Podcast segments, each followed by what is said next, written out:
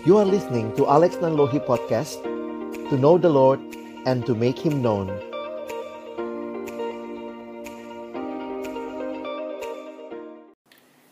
Baik, mari sebelum kita membaca, merenungkan firman Tuhan, kita berdoa.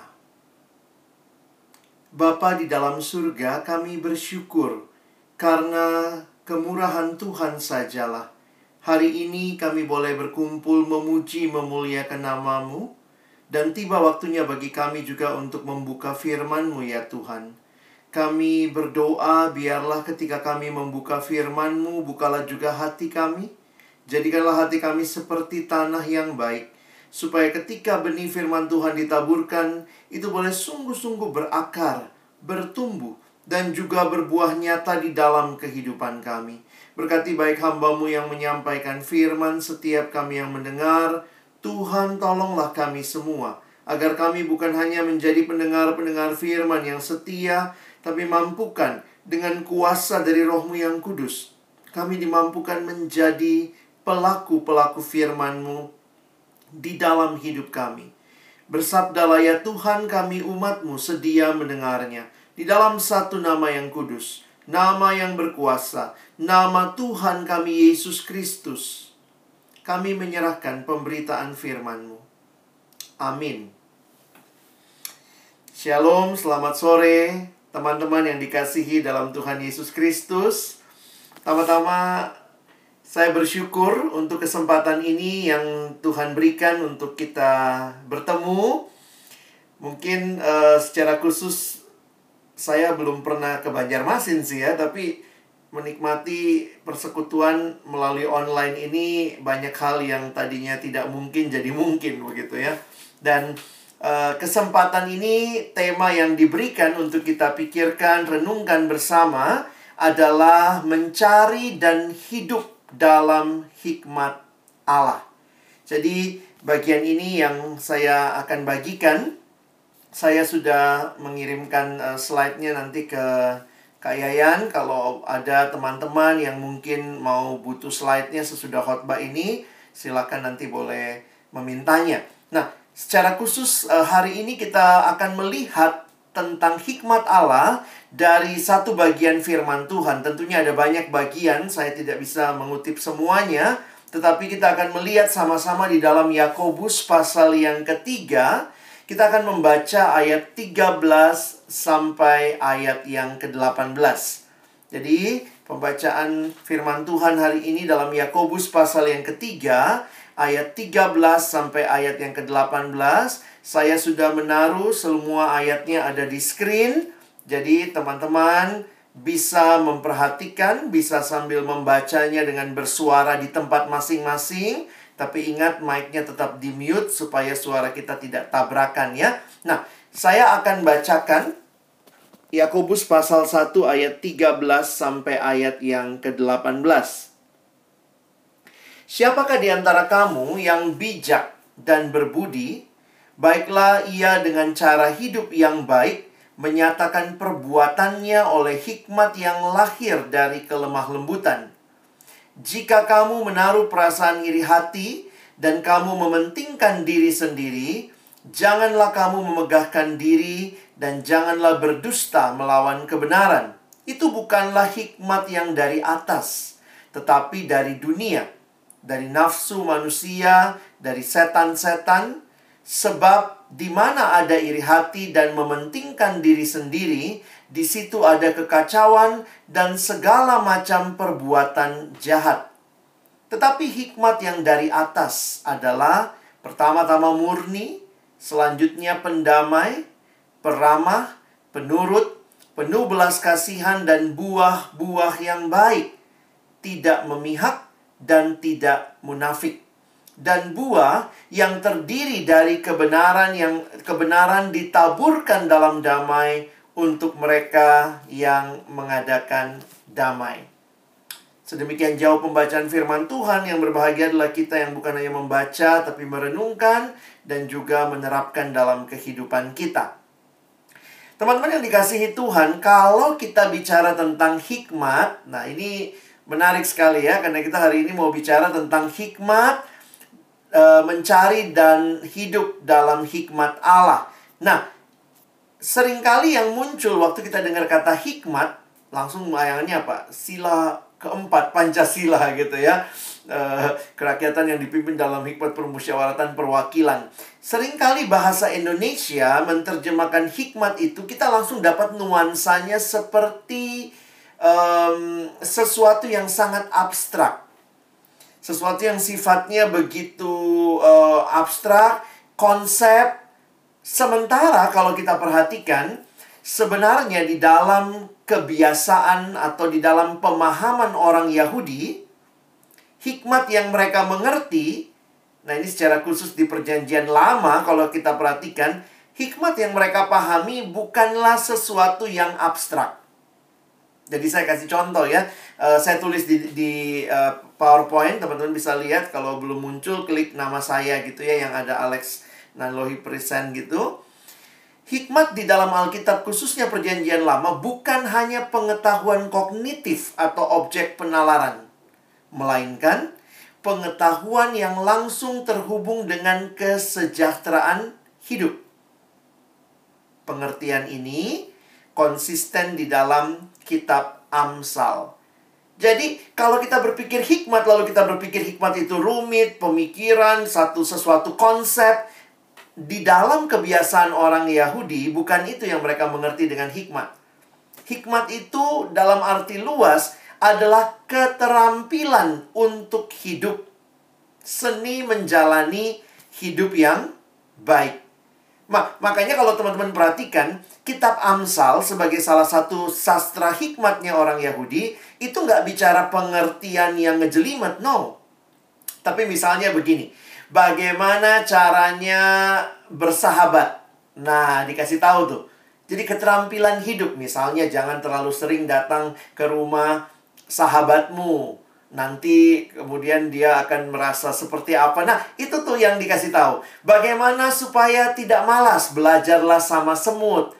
Jadi, kalau teman-teman perhatikan, hikmat itu adalah very practical things yang dalam konsepnya orang Yahudi. Karena itu waktu baca kitab Amsal itu ya, bagaimana bersahabat, bagaimana bekerja, bagaimana mencari uang, bagaimana uh, hidup ber, bertetangga, bersosialisasi, itu hal-hal yang dikaitkan dengan hikmat. Nah, jadi saya lanjutkan ya ada dalam uh, ada istilah dalam bahasa Inggris wisdom is is important because it will help you make decision in everyday life. Jadi pas dengan tema kita hari ini begitu ya. Bagaimana kita mencari dan hidup dalam hikmat Allah karena dengan hikmat Allah itu kita bisa mengambil keputusan-keputusan penting di dalam keseharian kita.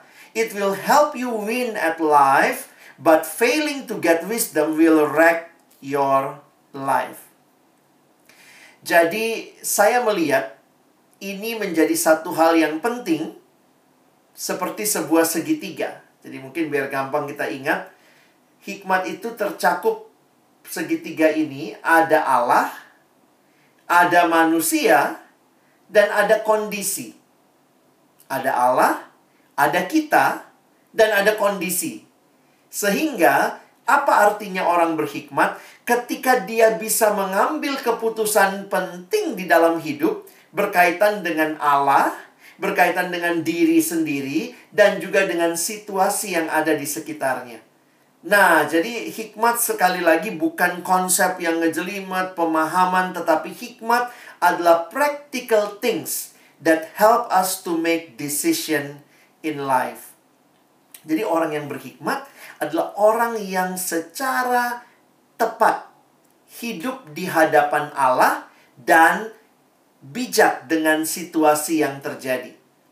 Jadi ini yang menarik ya. Kalau orang dunia, dia mungkin bisa sangat kelihatan berhikmat, tapi faktor utamanya hanya situasi dan diri sendiri tentunya, diri yang mengambil keputusan. Tetapi kalau kita bicara hikmat di dalam Alkitab, maka ada peran Allah.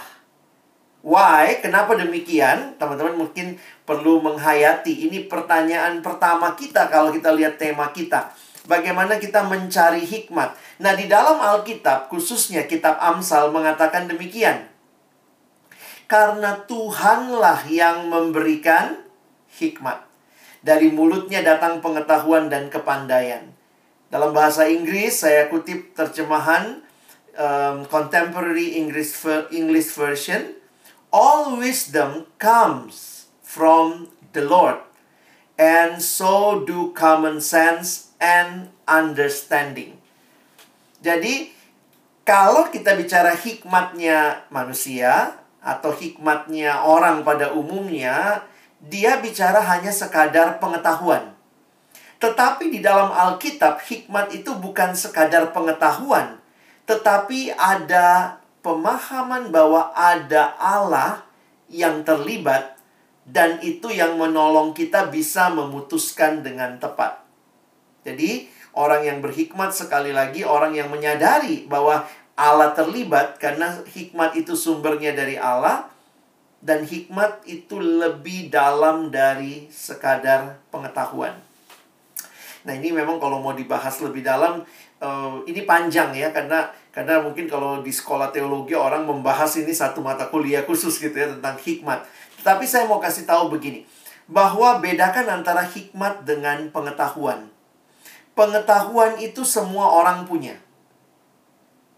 Tetapi hanya mereka yang bisa memakai pengetahuan itu dengan melihat situasi dan memandang kepada Allah dan mengambil keputusan penting, itu orang-orang yang dikatakan berhikmat.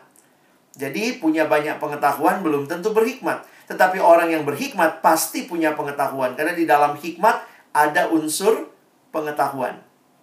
Nah, jadi di sini kita melihat hikmat itu sumbernya dari Allah, segala-galanya dari Allah. Dan kita melihat juga dikatakan di dalam Amsal 1 ayat 7, takut akan Tuhan adalah permulaan pengetahuan, tetapi orang bodoh menghina hikmat dan didikan. Menarik sekali mempelajari kitab Amsal, teman-teman akan melihat pengetahuan dikaitkan dengan situasi dan dengan Allah. Nah, ini hikmat itu ada di dalam perspektif demikian. Di dalam kitab Yakobus pasal yang pertama, kita nggak bahas mendalam di sini ya. Tapi sekilas teman-teman bisa lihat ayatnya. Ketika bicara tentang pencobaan, pergumulan. Nah, ini kita mesti baca ayat atasnya ya. Yakobus pasal 1 ayat 2, 3, 4. Di situ dikasih tahu bahwa di tengah-tengah situasi hidup kalau kamu mengalami pencobaan anggaplah itu sebuah kebahagiaan. Karena itu menimbulkan bagimu tahan uji. Nah, teman-teman lihat nih. Terus kemudian ayat 5. Tetapi apabila di antara kamu ada yang kekurangan hikmat, hendaklah ia memintakannya kepada kepada Allah. Jadi di sini sekali lagi saya mau menegaskan apa yang menjadi tema kita. Kalau kita mau cari hikmat ya minta sama Tuhan. Tuhanlah yang sanggup memberikan itu karena dialah sumber hikmat itu. Jadi dari poin ini kita bisa mempelajari bahwa hikmat itu asalnya dari Allah Tujuannya apa? Tujuannya adalah supaya teman-teman dan saya ketika menjalani hidup ini kita bisa mengambil keputusan-keputusan yang penting berdasarkan hikmat dari Allah untuk perjalanan hidup kita. Memang kalau kita mau bahas praktisnya ini harus dilihat kasus demi kasus begitu ya. Misalnya, ketika saya bergumul, misalnya apakah saya harus jadi hamba Tuhan. Nah, saya pernah masuk dalam pergumulan itu setelah lulus kuliah, saya bergumul, apakah saya harus jadi hamba Tuhan? Nah, bagaimana memutuskannya? Ya, ketika datang sama Tuhan, ada pengetahuan, ada pemahaman, tahu sih kalau jadi hamba Tuhan itu konsekuensinya ini dan itu. Tapi kemudian ketika itu semua bisa dipikirkan dengan matang. Ada pengetahuan, ada Allah, dan ada saya begitu ya, ada situasinya lalu kemudian inilah yang akhirnya dalam keputusan yang saya ambil saya meyakini Tuhan memberikan hikmat pada waktu itu untuk memilih apa yang tepat dalam konteks pergumulan saya. Nah, teman-teman, Saya tidak tahu apa yang sedang jadi pergumulan kita, tapi pandemi ini memang benar-benar jadi pergumulan bagi banyak orang ya. Sehingga mungkin ada yang nanya, gimana ya kak, saya mesti mulai apa nih? Ada teman yang mengalami pengurangan pegawai di tempat dia bekerja, dan dia termasuk yang terdampak. Lalu kemudian dia mulai berpikir, saya harus mulai apa ya kak? Mau mulai usaha kah? Atau cari kerja lagi kah? Jadi sebenarnya di situ saya jadi bilang sama dia gitu ya, ini ini kamu butuh hikmat dari Tuhan. Karena kamu pasti punya pengetahuan, pengetahuan e, tahu sih bahwa cari kerja susah kan? Tapi kamu juga punya pengetahuan bahwa ternyata kamu punya skill yang lain. Ada yang sudah tergali, ada yang belum tergali. Ini banyak yang yang lagi situasi Covid begini skillnya tergali ya. Yang biasanya jarang masak, eh ternyata aku bisa masak begitu ya. Nah, jadi hal-hal itu kemudian waktu dilihat di dalam terang kacamata kehendak Allah, nah teman-teman harus memutuskan. Dan keputusan yang diambil di dalam pimpinan Tuhan, saya meyakini itu adalah keputusan berdasarkan hikmat yang dari Tuhan. Nah, memang jangan terlalu menjadikan hikmat ini sesuatu yang mistis. Poin saya begini, sering kali Tuhan berbicara juga dengan hal-hal yang sudah sangat jelas. Saya ingat pendeta Stephen Tong mengatakan kalimat demikian. Seorang ibu yang anaknya sakit, panas tinggi, tidak butuh tanda dari langit untuk membawa anaknya ke dokter. Jadi nggak usah bilang, aduh minta hikmat khusus begitu ya. Apakah anak saya perlu dibawa ke dokter apa tidak? Begitu orang tua anak sakit terlalu tinggi panasnya, lalu dia tahu dia tidak punya obat atau dia tidak bisa merawat, maka secara normal otomatis harusnya dia nggak butuh tanda dari langit, dia nggak butuh keyakinan ayat firman Tuhan saat teduh dulu baru bawa anak ke rumah sakit. Jadi di sini saya melihat tensionnya hati-hati jangan meng, jangan um, membuat hikmat itu jadi sangat mistis seolah-olah harus ada tanda yang jelas tetapi juga Tuhan pimpin melalui pengetahuan. Apa yang teman-teman ketahui, tahu sih ada dokter, dokter lebih pintar dari saya dan dalam pemahaman itu saya memilih untuk membawa anak saya ke rumah sakit itu hikmat yang dari Tuhan. Jadi uh, sekali lagi kiranya kita bisa melihat hal ini dalam perspektif yang benar. Nah, bagaimana kita menghayati lebih jauh ketika Yakobus pasal 3 bilang ada hikmat dari atas, ada hikmat dari bawah. Nah, waktu mempelajari ayat ini, saya mengambil beberapa kesimpulan dalam penafsiran waktu membaca beberapa buku. Allah adalah sumber segala sesuatu. Maka sebenarnya semua hikmat berasal dari Allah. Loh, tapi kenapa Alkitab bicara hikmat Allah, hikmat manusia? Maka penjelasan ini yang saya ambil. Hikmat Allah dan hikmat manusia bukanlah menunjukkan dua sumber hikmat. Melainkan menunjukkan kedekatan orang yang berhikmat. Nanti saya jelaskan ya. Pegang dulu konsepnya. Hikmat Allah, hikmat manusia bukan dua sumber. Karena kan sumbernya cuma dari Allah. Nah, ada contoh nih, ada contoh tentang manusia. Ini contoh aja ya. Manusia adalah ciptaan Tuhan. Namun setelah jatuh dalam dosa, ada manusia yang kita sebut pengikut Tuhan, ada juga yang kita bilang tanda kutip pengikut setan. Masih dibelenggu oleh roh-roh jahat itu Efesus pasal 2 mengikuti jalan dunia, mengikuti penguasa kerajaan angkasa. Kita menggunakan istilahnya satunya manusia lama, satunya manusia baru. Nah, istilah ini bukanlah menunjukkan bahwa manusia ada dua jenis atau dari dua pencipta. Tidak. Melainkan ini bicara tentang kualitas kerohanian dari manusia yang sebenarnya dicipta oleh Allah. Jadi, bagaimana mengerti hikmat dari Allah, hikmat dari manusia? Nah, saya coba menggunakan analogi yang sama dengan manusia ini. Manusia memiliki kemampuan berpikir dengan otaknya, namun ada yang memakai pikirannya untuk memuliakan Allah, tetapi tidak sedikit juga yang pakai pikirannya untuk justru menista Allah. Jika demikian, maka ini kesimpulannya ya. Kalau demikian, yang disebut dengan hikmat Allah adalah hikmat yang sejalan dengan ketetapan Allah. Para nabi, para rasul dipenuhi oleh hikmat Allah. Lalu bagaimana kita mengerti hikmat manusia?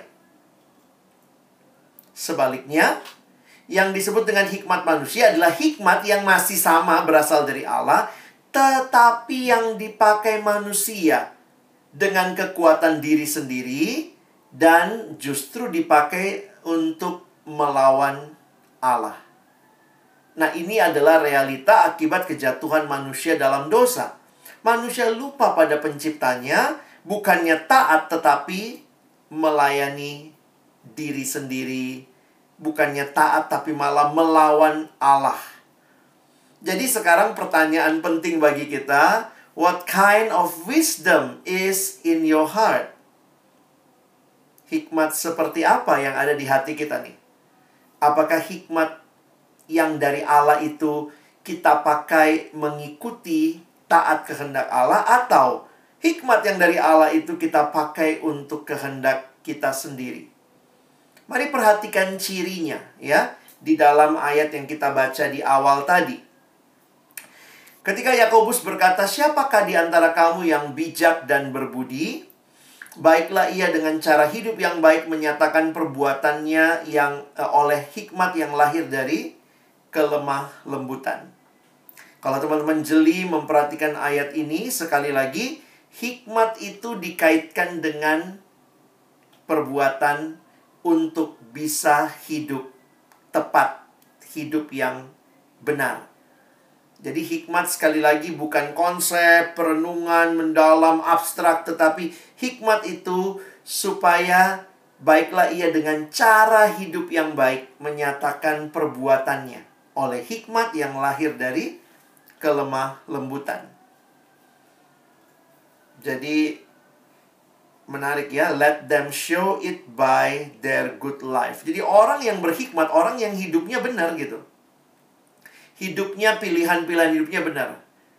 Misalnya nih ya kan kalau kita baca sekilas di Alkitab gitu oh ada ternyata kitab Amsal ya jangan meminjam uang jadi jangan ngutang kira-kira begitu ya. Jadi kalau kita lihat ada orang yang terlilit kartu kredit, ada alumni yang baru pakai kartu kredit lalu kemudian semua barang dibeli segala macam, saya pikir itu orang di kita langsung bilang tidak berhikmat. Karena hikmat itu berkaitan dengan pilihan hidup ya. Itu tepat kalau kita mengatakan demikian. Nah, jika kamu menaruh perasaan iri hati dan kamu mementingkan diri sendiri, janganlah kamu memegahkan diri dan kamu berdusta melawan kebenaran itu bukanlah hikmat yang dari yang datang dari atas tetapi hikmat dari dunia dari nafsu manusia dan dari setan-setan. Jadi waktu Alkitab bicara hikmat yang dari bawah, dia hanya memberikan cirinya. Lihat tadi ya. Iri hati, pementingan diri, memegahkan diri, berdusta melawan kebenaran. Perhatikan ayat 16. Sebab di mana ada iri hati dan mementingkan diri sendiri, di situ ada kekacauan dan segala perbuatan jahat. Jadi, hikmat yang dari bawah ini sekali lagi adalah hikmat yang Tuhan kasih. Sebenarnya Tuhan kasih pengetahuan lah ya, pengetahuan untuk hidup baik, hidup benar, tetapi pengetahuan itu dipakai begitu rupa untuk mementingkan diri, untuk berdusta melawan kebenaran dan akhirnya itu yang Alkitab sebutkan itulah hikmat yang dari bawah bukan dari atas. Kalau begitu apa ciri hikmat yang dari atas?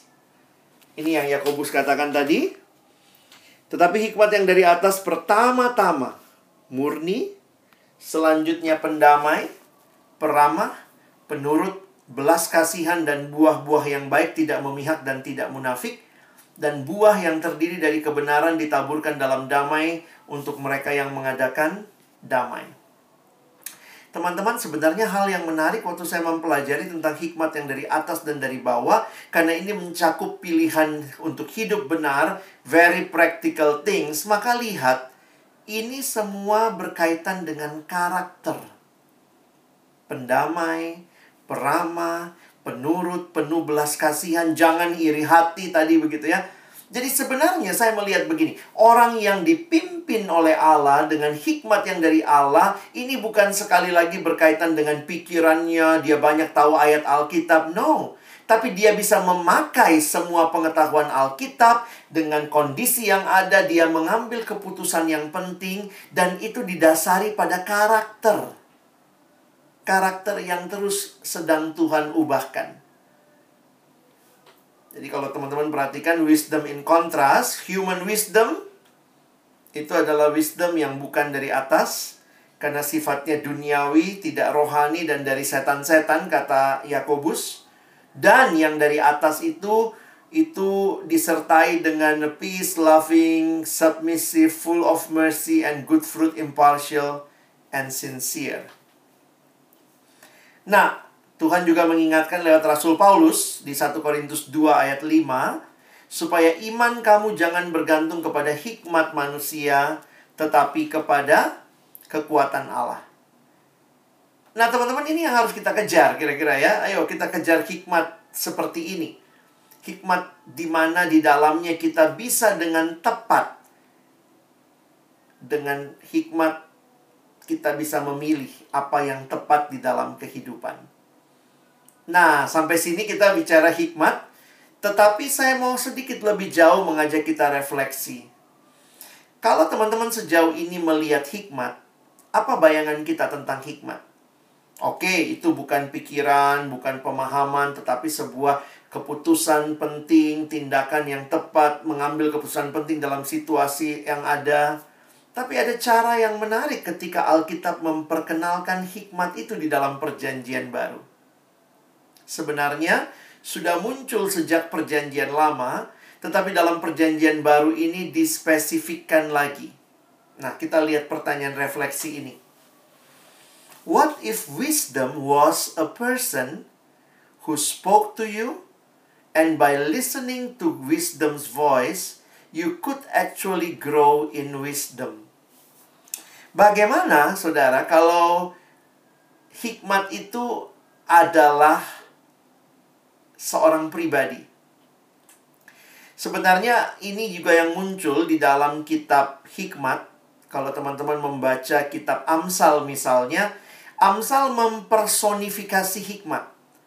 Sehingga di dalam Alkitab Perjanjian Lama, hikmat itu digambarkan sebagai atau gendernya itu um, feminin. Ya, perempuan. Jadi hikmat itu digambarkan dengan personifikasi. Jadi bukan it tapi her gitu ya, tapi she kira-kira seperti itu. Nah, lebih menarik lagi sebenarnya karena personifikasi ini kita nggak bahas ini laki perempuan ya, tetapi ketika kita melihat lebih jauh lagi, perjanjian baru memberikan fakta ini. Di dalam Kristus tersembunyi segala harta, hikmat, dan pengetahuan. Teman-teman bisa pahami ya. Kita bicara hikmat-hikmat, bagaimana mengambil keputusan penting dengan pemahaman yang dari Allah, dari situasi, kita mengambil keputusan penting. Tapi Alkitab mengatakan hikmat ini, hikmat is a person. Dan itu adalah Yesus dari Nazaret. Wisdom is a person with whom you can be in relationship, Jesus of Nazareth. Teman-teman mau berhikmat? Pertanyaannya, sudahkah Yesus jadi Tuhan dan Juru Selamatmu secara pribadi? Kenapa? Karena dialah hikmat itu sendiri. Kalau saya mau hidup berhikmat, saya harus punya relasi dengan sang sumber hikmat. Sehingga kalimatnya when your vertical relationship with God is right, waktu hubunganmu secara vertikal dengan Tuhan benar, maka pasti pilihan-pilihan hidupmu, your horizontal relationship with others, dengan orang-orang di sekelilingmu, bahkan juga dengan dunia di mana engkau dan saya hidup, akan benar juga. Sekali lagi ya, kan tadi kalau lihat kitab Amsal, hikmat itu berkaitan dengan apa? Bagaimana hidup di dalam dunia, bagaimana bertetangga, bagaimana kalau punya saudara, bagaimana kepada pegawaimu, itu semua ada di dalam kitab Amsal. Bahkan bukan hanya dengan person, tetapi dengan dunia di sekelilingnya. Bagaimana memperlakukan harta. Amsal bicara itu. Bagaimana menggunakan uh, apa ya uh, kemampuan, ability yang Tuhan kasih. Jadi coba baca nasihat Amsal itu itu kaitannya sama orang, saya dan orang dan saya dengan dunia di sekitar saya. Nah, menarik sekali kekristenan berbicara bahwa hikmat itu telah menjadi manusia dalam Kristus sehingga teman-teman dan saya punya teladan bagaimana hidup berhikmat. Siapa yang kita contoh? Lihat hidup Yesus. Bagaimana berelasi dengan keluarga. Yesus punya keluarga. Dia punya ibu, dia punya ayah, dia punya saudara-saudara. Bagaimana berelasi dengan uang? Banyak pengajaran Yesus bicara tentang uang. Janganlah menyimpan bagimu harta di dunia ini yang bisa lapuk dan seterusnya. Jadi akhirnya kita bersyukur sebagai umat Allah yang namanya hikmat itu bukan sekali lagi sebuah sebuah pilihan-pilihan semata tetapi menjelma nyata dalam pribadi Kristus dan karena itu waktu kita berelasi dengan Kristus semakin dalam maka pilihan-pilihan hidup kita pun adalah pilihan-pilihan hidup yang mencerminkan hikmat Allah sendiri.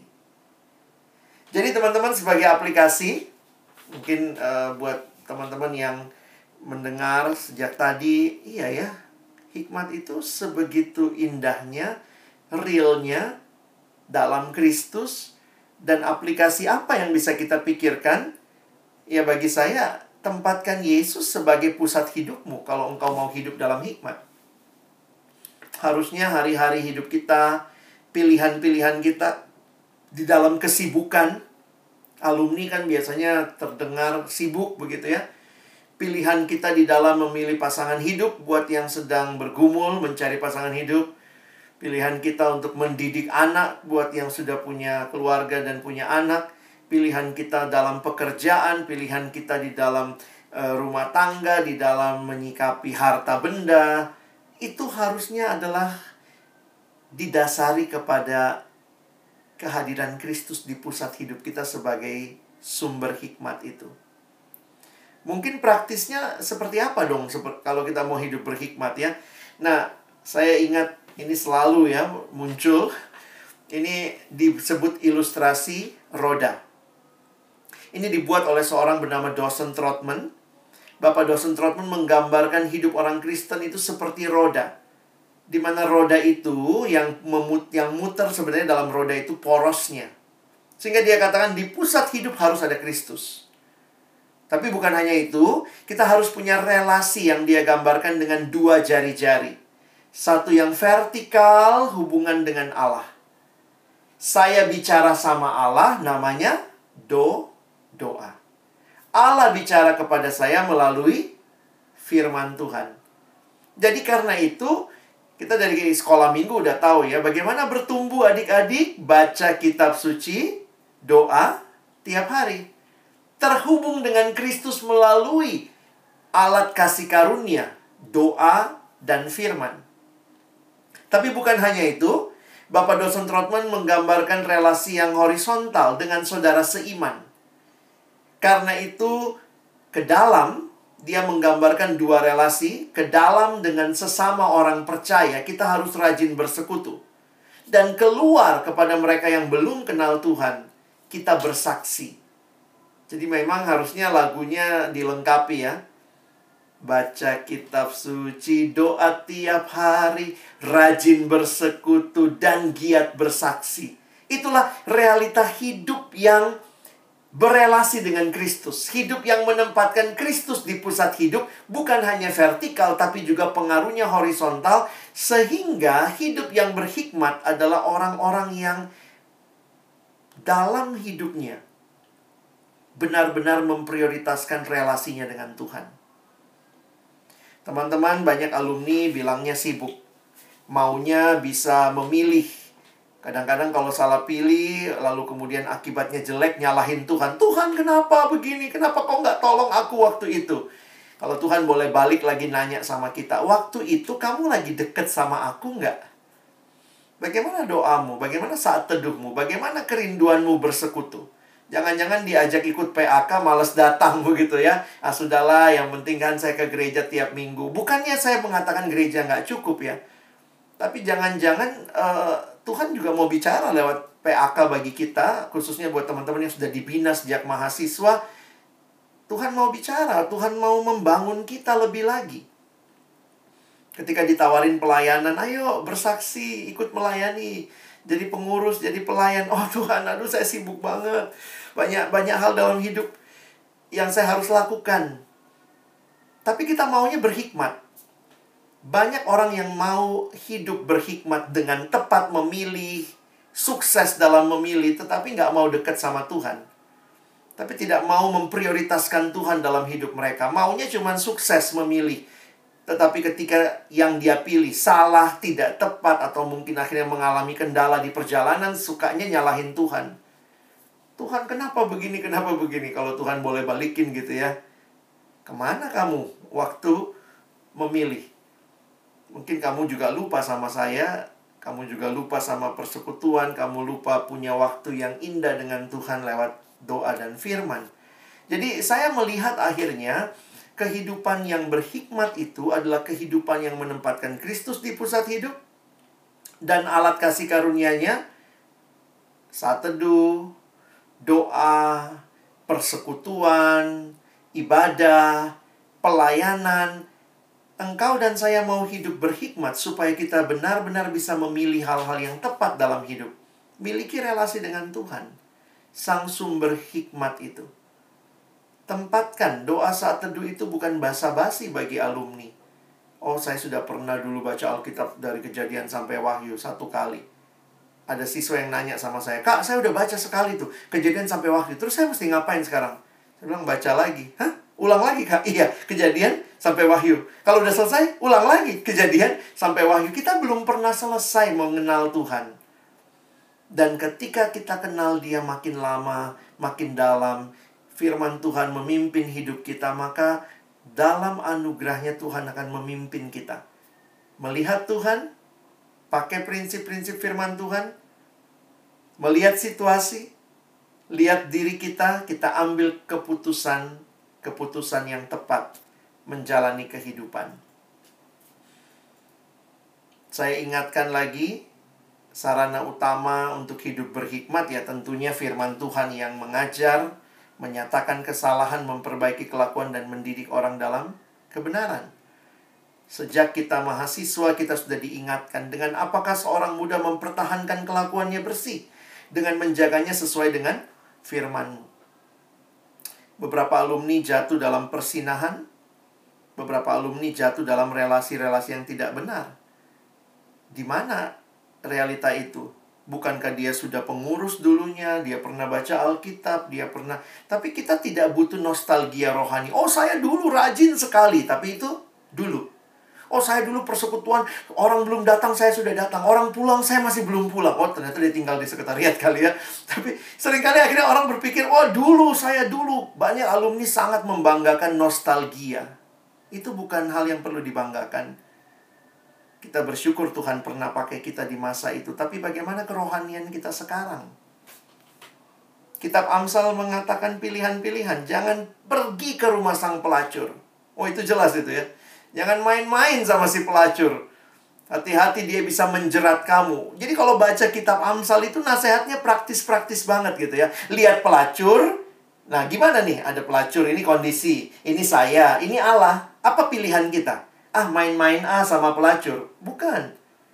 Dari mana saya bisa jaga kelakuan saya bersih? Waktu saya terus dekat sama Tuhan, firmannya menuntun hidup saya. Sehingga waktu lihat pelacur, lihat uang, lihat mabuk, misalnya di dalam Amsal mengatakan jangan mabuk. Jangan minum minuman keras. Karena kamu nggak bisa kontrol dirimu. Seperti pelaut itu nanti ada di Amsal 16 kalau saya nggak salah. Amsal itu selalu memberikan perspektif ini. Kenapa? Karena dunia cuma punya perspektif saya dan realita. Tetangga, saudara, pasangan, pelacur, uang. Dunia hanya melihatnya seperti ini. Dua relasi. Tapi kita mesti lihat Allah. Karena kita anak Tuhan dan Allah akan memimpin kita mengambil keputusan. Nah, bagaimana kita dipimpin Allah? Biarlah firman Tuhan yang memenuhi pikiran kita, bukannya sinetron, bukannya gosip-gosip kantor, kita dipimpin bukannya dengan kata teman, ah ngapain hidup jujur, kau hidup jujur nanti kau nggak punya apa-apa. Itu kata dunia. Waktu kita lihat harta, lihat Tuhan, lihat kondisi kita, saya butuh duit. Ada kesempatan korupsi, tapi saya tahu ada Tuhan, maka pilihan hidup saya apa? Nah, orang yang seperti ini akan bisa terjadi kalau dia dipimpin oleh firman Tuhan terus-menerus.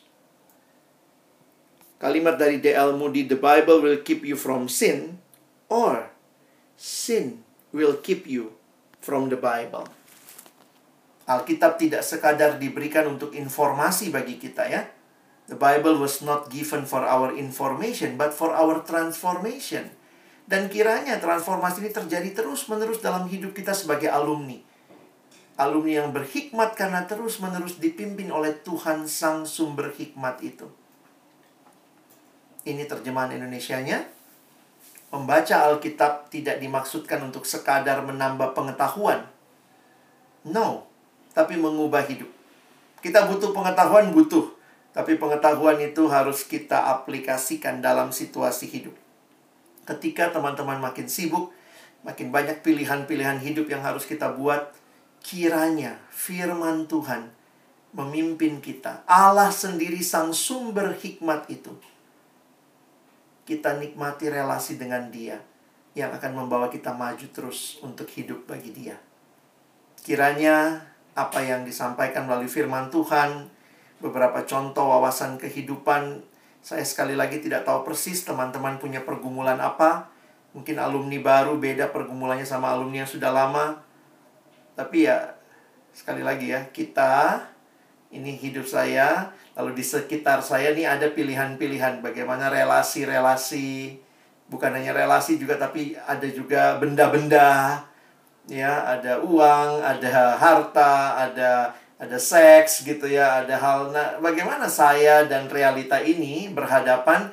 Kiranya kita tidak dipimpin oleh dunia, tapi kita dipimpin oleh Allah yang adalah sumber hikmat itu. Selamat menjalani hidup dalam hikmat Allah Kiranya Tuhan menolong kita bukan cuma jadi pendengar firman, tapi jadi pelaku-pelaku firman-Nya. Amin. Mari kita berdoa. Tuhan terima kasih buat kebenaran firman-Mu yang mengarahkan hati kami kepadamu. Allah sumber hikmat dan terus memohon pimpinan-Mu ya Tuhan. Melalui firman-Mu, melalui doa, melalui persekutuan, melalui pelayanan yang Tuhan karuniakan.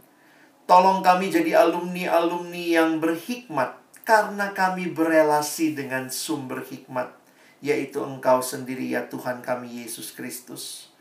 Ada begitu banyak pilihan yang harus kami buat dalam dunia ini. Ada begitu banyak hal yang mungkin begitu menarik hati kami. Tapi biarlah sekali lagi kami bukan hidup bagi dunia, kami hidup bagi Allah. Kami tidak mau dipimpin oleh hikmat dari bawah yang kami sendiri pilih demi menyenangkan hati kami, demi egoisme kami, demi kemegahan kami. Tapi biarlah hikmat yang dari atas, hikmat yang dari Allah, itulah yang boleh kami alami. Sekali lagi terima kasih untuk firman-Mu. Terima kasih untuk setiap kebenaran yang memerdekakan hati kami. Tolong kami bukan cuma jadi pendengar firman yang setia, jadikan kami pelaku-pelaku firman-Mu dalam hidup kami. Ini doa kami, ucapan syukur kami dalam nama Yesus. Kami menyerahkan diri kami sesama alumni PAK Banjarmasin ke dalam tangan kasih Tuhan. Dalam nama Yesus kami berdoa. Amin.